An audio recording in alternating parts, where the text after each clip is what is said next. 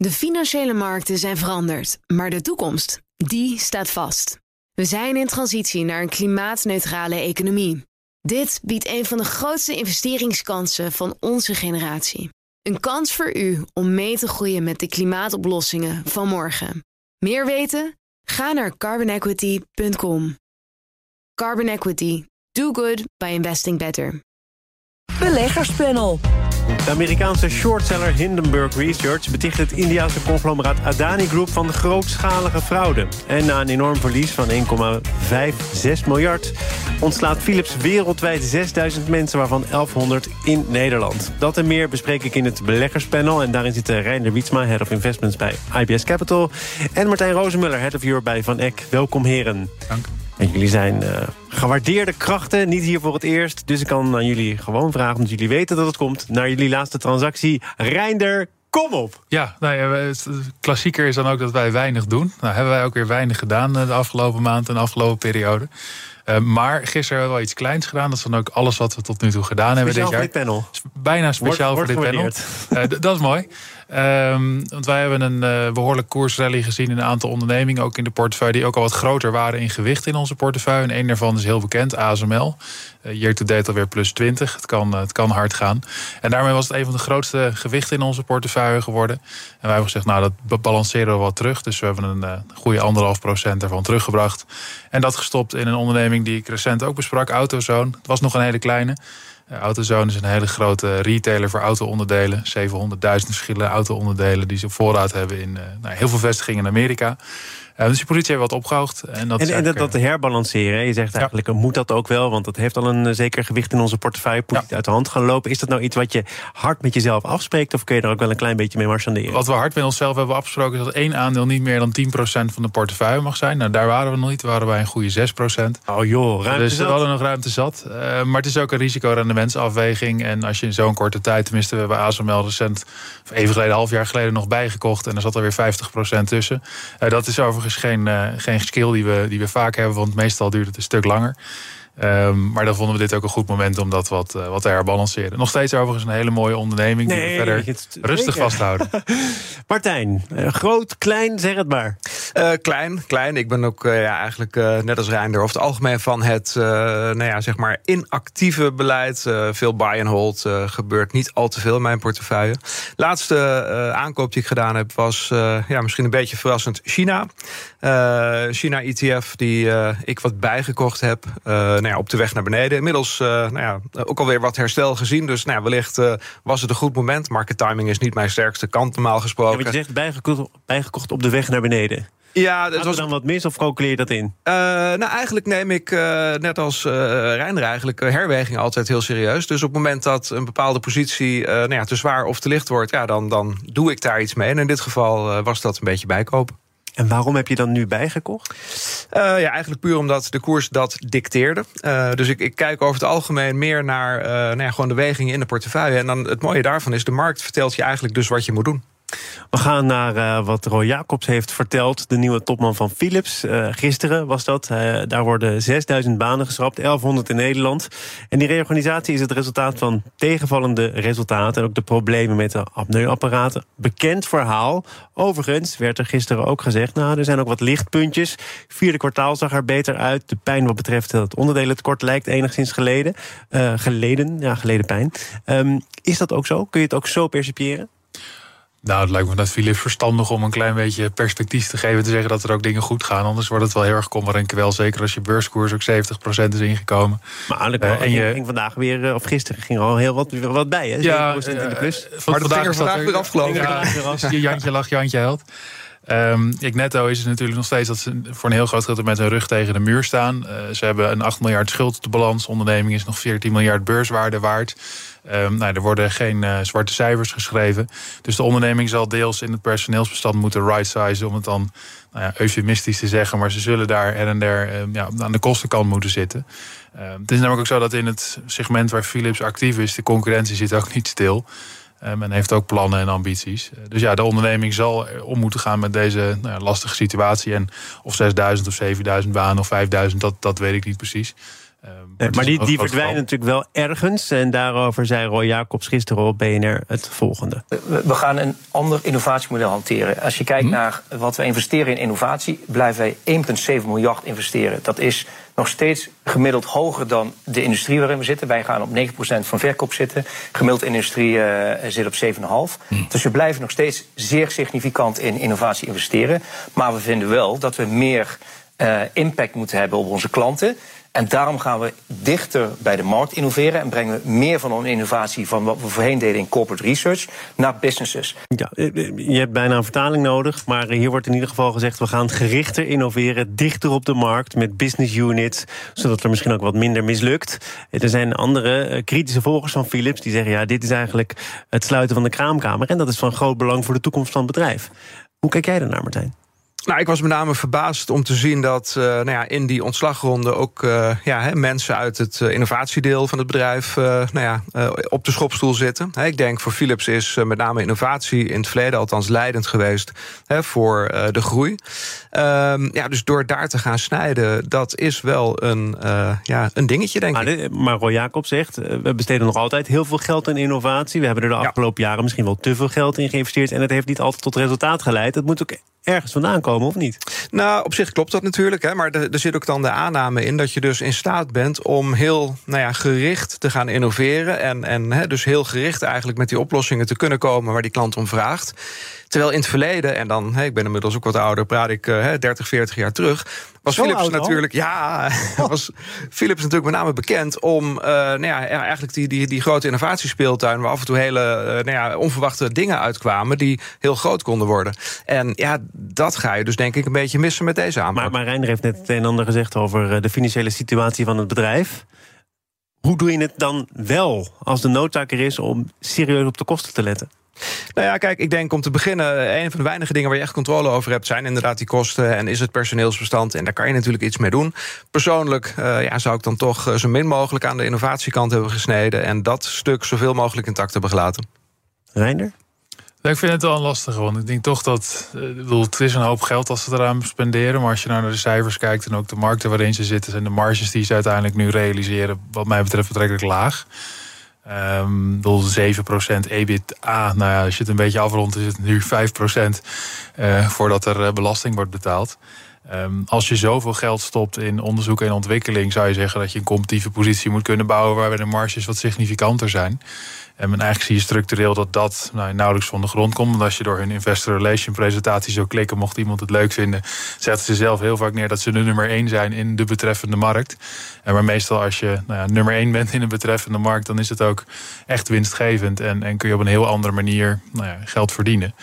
Um, dus dat ze daar her en der uh, ja, mee moeten en moeten veranderen en niet meer de luxe hebben om, om honderden miljoenen te steken in nou ja, moonshots of projecten die misschien over een aantal jaar geld gaan opleveren. En daarom wordt hier ook gezegd: uh, het is eigenlijk te simpel om te zeggen dat het alleen maar een besparing is. Het is echt gewoon kijken naar hoe we als bedrijf zijn georganiseerd. En dit is misschien het uitgelezen moment om dat te doen. Nou ja, ja en tegelijkertijd ook een beetje vanuit de rug tegen de muur situatie. Dus op een gegeven moment zullen ook bedrijven met zo'n legacy, want nou, ik hoor dat ze al heel lang teruggaan, uh, natuurlijk uh, mee met de tijd moeten. En kijk, Philips heeft een waanzinnig track record als het gaat om ondernemingen die ze nou ja, meehelpen oprichten. Als zij alleen hun belang in TSMC nooit hadden verkocht, hadden ze een stuk andere, een heel andere beurswaarde. Um, maar ja, het is een hoop geld dat er wordt geïnvesteerd. En op dit moment is voor mij als, als buitenstaander, slash vanuit een aandeelhoudersperspectief, wat we niet zijn, maar moeilijk om te zien wat dat geld oplevert. Over die aandeelhouders gesproken, eh, er is wel sprake van een zekere winstuitkering, maar dan alleen in de vorm van, van nieuwe aandelen, dus niet in contanten. Um, simpele conclusie: het geld is op, de cash is er even niet. Nou ja, ik denk dat het in de situatie van Philips heel logisch is om inderdaad uh, liever een stokdividend eh, te doen dan een cashdividend. Want ja, die cash kunnen ze heel goed gebruiken. Ja, die cash hebben ze misschien ook wel nodig. Als je kijkt naar de juridische afhandeling van die slaapapneu-affaire. We kunnen er kort of lang over spreken. Maar als er vanuit Amerika miljardenclaims komen. En die komen er meer dan, dan waarschijnlijk. natuurlijk een heel Ja. ander verhaal. Nou, maar ze zijn al fors geleveraged. Ik bedoel, als je het kijkt naar EBITDA, dus dat is de winst voordat je ook afschrijving hebt meegenomen. Ze bijna vijf keer dat getal aan leverage nu staan, wat echt heel hoog is. Daar komen nog die claims bij, die zitten niet in dat, in dat getal. En stokdividend is, is eh, wat mij betreft een beetje waanzinnig. Want je geeft iedereen wat meer aandelen. Ja, die aandelen zakken wat in koers, maar je bent er niks mee opgeschoten. Als je verder ook kijkt naar het capital allocation plan, dus hoe gaan wij met ons geld om?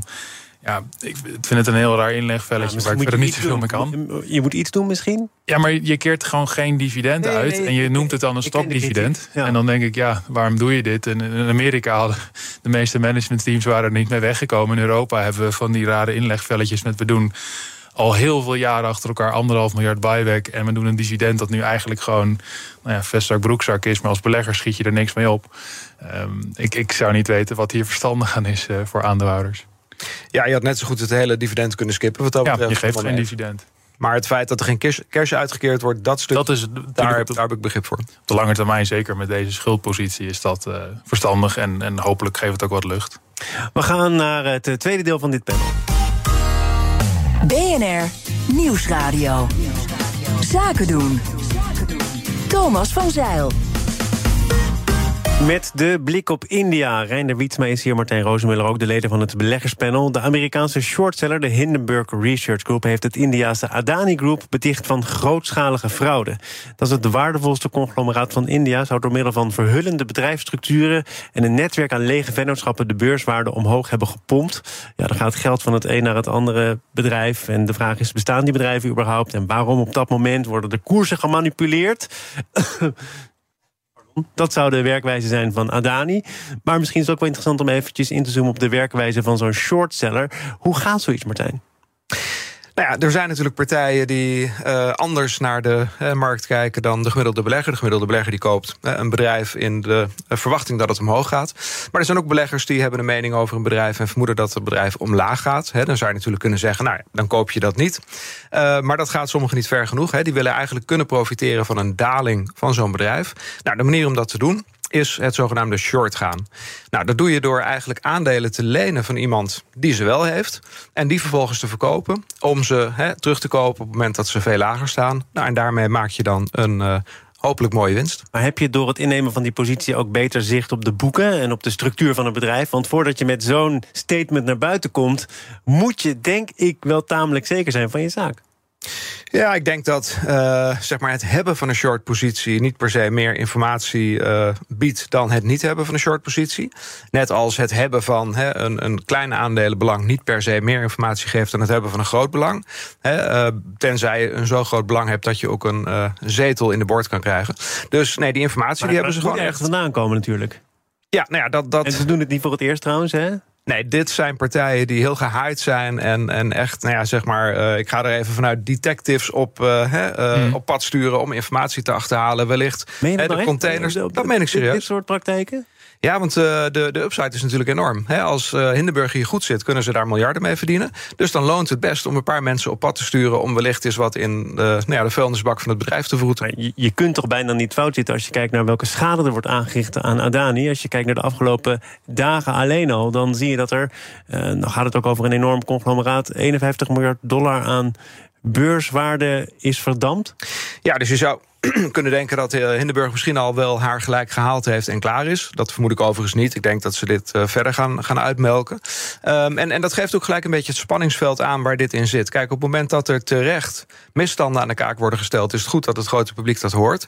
Eh, maar op het moment dat het alleen maar het innemen van een shortpositie is en het vervolgens heel hard roepen van boe, ja, dan is dat misschien wel een beetje laakbaar gedrag. Je vindt het immoreel.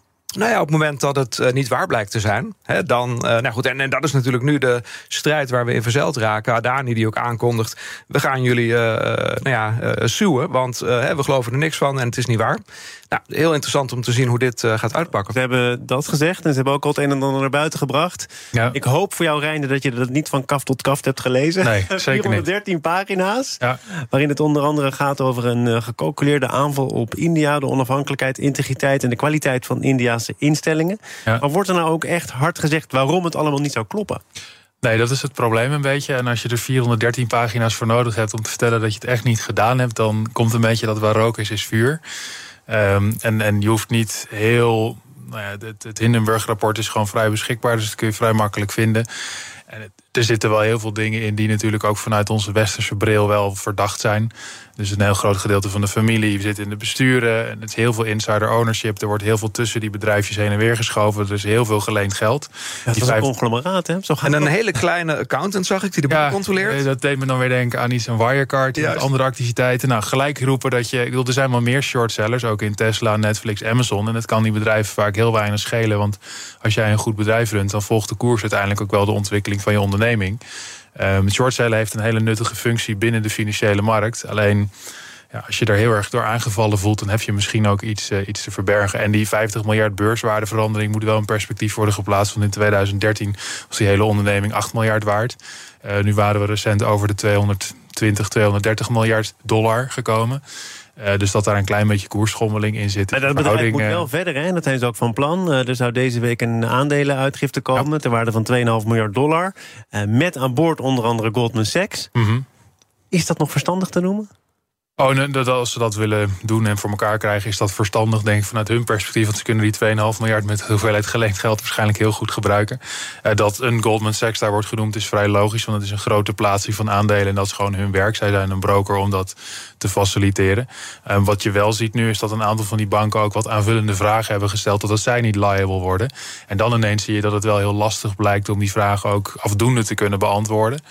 Um, ja, want nu is er dus ook duidelijk ook een short rapport en die informatie is nu beschikbaar. Dus die banken zijn natuurlijk altijd bang voor, voor litigation en daar nou komt dit ook. Uh... En even buiten de scope van dit beleggerspanel, maar toch, uh, de topman van uh, Adani, Gautam Adani, is een goede bekende, zo niet goede vriend van de Indiaanse minister-president Modi. Um, als je die grote woorden gebruikt. Uh, gecalculeerde aanval op India. Kwaliteit van instellingen wordt nog maar eens tegen het licht gehouden. Gaat dit India en de Indiaanse economie, die zo booming zou zijn, schaden? Nou ja, er is best een risico daar. Hè. Ik denk dat je als uh, westers, uh, zeker institutionele investeerder, nu nog wel iets langer nadenkt voordat je belang zou nemen in zo'n bedrijf. Hè, voor zover het al veel gebeurde. Ehm, en, en verder, ja, in het Hindenberg-verhaal zitten natuurlijk een aantal aantijging ook richting de Indiase toezichthouder... die in het verleden wel eens onderzoek gedaan zou hebben... Hè, waar dan eigenlijk uiteindelijk niks uitkwam. Inderdaad, de, de vriendschap met Modi, uh, die, die wordt ook genoemd. Uh, ja, heel spannend. Ik, ik begreep overigens dat of Modi of Adani zelf aangaf... dat nou, die vriendschap was helemaal niet zo hecht. Dat viel allemaal best mee. Dus uh, ja, wellicht dat er nu al wel uh, gepositioneerd wordt... om in ieder geval schade aan Modi te voorkomen spannend uh, dossier wordt. We gaan naar het uh, voorsorteren van het betaalbedrijf Stripe... dat zich uh, klaarmaakt voor een beursgang. Ondanks dat de geruchten al jaren de revue passeren... lijken ze voor het eerst echt concreet. Het is een van de grootste concurrenten van Adyen. Heeft ook Goldman Sachs en JP Morgan ingehuurd om de opties te onderzoeken. En Reinder, het, het zijn verschillende opties. Ja. Het zou ook kunnen gaan om ja, een gesloten beurs... met vooral opties voor de vroege aandeelhouders, voor werknemers. Ja. Dus zonder nieuwe aandelen. waarom zou je daar als bedrijf voor kiezen? Um, nou, Stripe en als je heeft het geld niet nodig van de beursgang. Dus heeft gewoon genoeg middelen zelf op de bank staan om nou ja, zijn business te blijven doen. Er zijn nu zoveel medewerkers en externe partijen die aandeelhouder zijn, die eigenlijk graag op een gegeven moment dat die aandelen willen omzetten in geld. Het is gewoon een exit. En dan moet er een platform komen om dat te doen. Dus wat je dan ook kan doen, het klinkt misschien een beetje noemen ze een direct listing, is gewoon zeggen vanaf heden is de beurs geopend en iedereen met aandelen mag zijn gang gaan. Um, dan duurt het vaak even tot er een koers tot stand komt. Maar dan is er niet vooraf al een plaatsing van aandelen. Dus dat er vooraf al met geld geschoven wordt. Uh, maar gewoon een, uh, nou ja, je ring de bel, de deur gaat open en uh, succes aan iedereen die al aandelen heeft. En op die manier komt dan die handel tot stand. En de vraag is natuurlijk wel wanneer je de, de bel moet ringen. Hè? Timing ja. doet ertoe. Ja. en het is ook een techbedrijf, een betaalbedrijf. Is in het verleden wel eens meer waard geweest. Het waardevolste techbedrijf ter wereld kwam ik ergens zelfs tegen. Als je kijkt naar hoe het gewaardeerd is. Ja. Goed, dat schommelt nogal. Ja. eind vorig jaar gingen er al mensen uit bij Stripe. Waarom dan nu toch kiezen voor, voor deze beursgang? Op, op mogelijk een verschillende manier, maar toch? Nou, het wordt steeds complexer om je de interne aandeelhoudersstructuur op orde te houden. Want als je op een gegeven moment meer dan geloof duizend dat het threshold is externe aandeelhouders in je bedrijf hebt, dan wordt je rapportageverplichting in Amerika semi-gelijk aan die van een beursgenoteerd bedrijf. Um, en dat is dan ook de reden om op een gegeven moment te zeggen: dan kunnen we beter beursgenoteerd zijn. Want dan hebben we en liquiditeit, dus mogelijkheid om te handelen voor onze personeelsleden. En we hebben dezelfde nou ja, financiële rapportageverplichting. Um, Stripe heeft het geld niet nodig, dus die hebben genoeg geld zelf op de bank staan om hun business gewoon goed door te kunnen runnen. Uh, maar voor veel medewerkers is het nog steeds een mooi moment. Want of je nou, nou, je verkoopt misschien niet meer voor 100, maar voor 50. Maar 50 is nog steeds een stuk meer dan de 50 cent waarvoor ze die aandelen initieel gekregen maar hebben. Maar het geeft wel aan dat timing er toch toe doet, Martijn.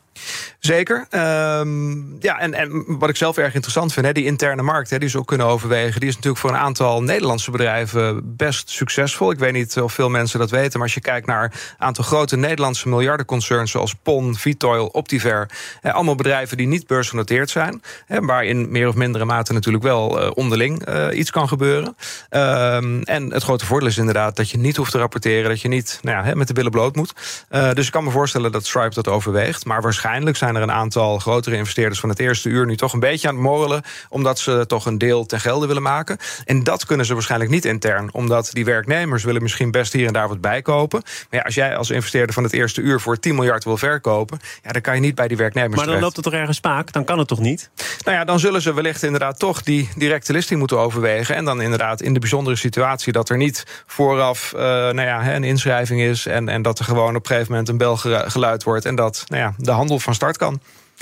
Reinder uh, Wietsma van IBS Capital en Martijn Roosmiller, horen jullie al uh, de bel? Nu wel. en trouwens, Martijn van uh, Head of Europe van EC. Dank voor jullie bijdrage aan dit panel. Beleggerspanel wordt mede mogelijk gemaakt door Annexum. Al meer dan 20 jaar de aanbieder van vastgoedfondsen. Dit panel is trouwens te beluisteren als podcast. Uiteraard zou ik bijna zeggen, abonneer je vooral even via je favoriete kanaal of via de BNR-app. Zometeen de Oekraïne-update met Bernard Hammelburg. De financiële markten zijn veranderd, maar de toekomst, die staat vast. We zijn in transitie naar een klimaatneutrale economie. Dit biedt een van de grootste investeringskansen van onze generatie. Een kans voor u om mee te groeien met de pioniers van morgen. Meer weten? Ga naar carbonequity.com. Carbon Equity. Do good by investing better.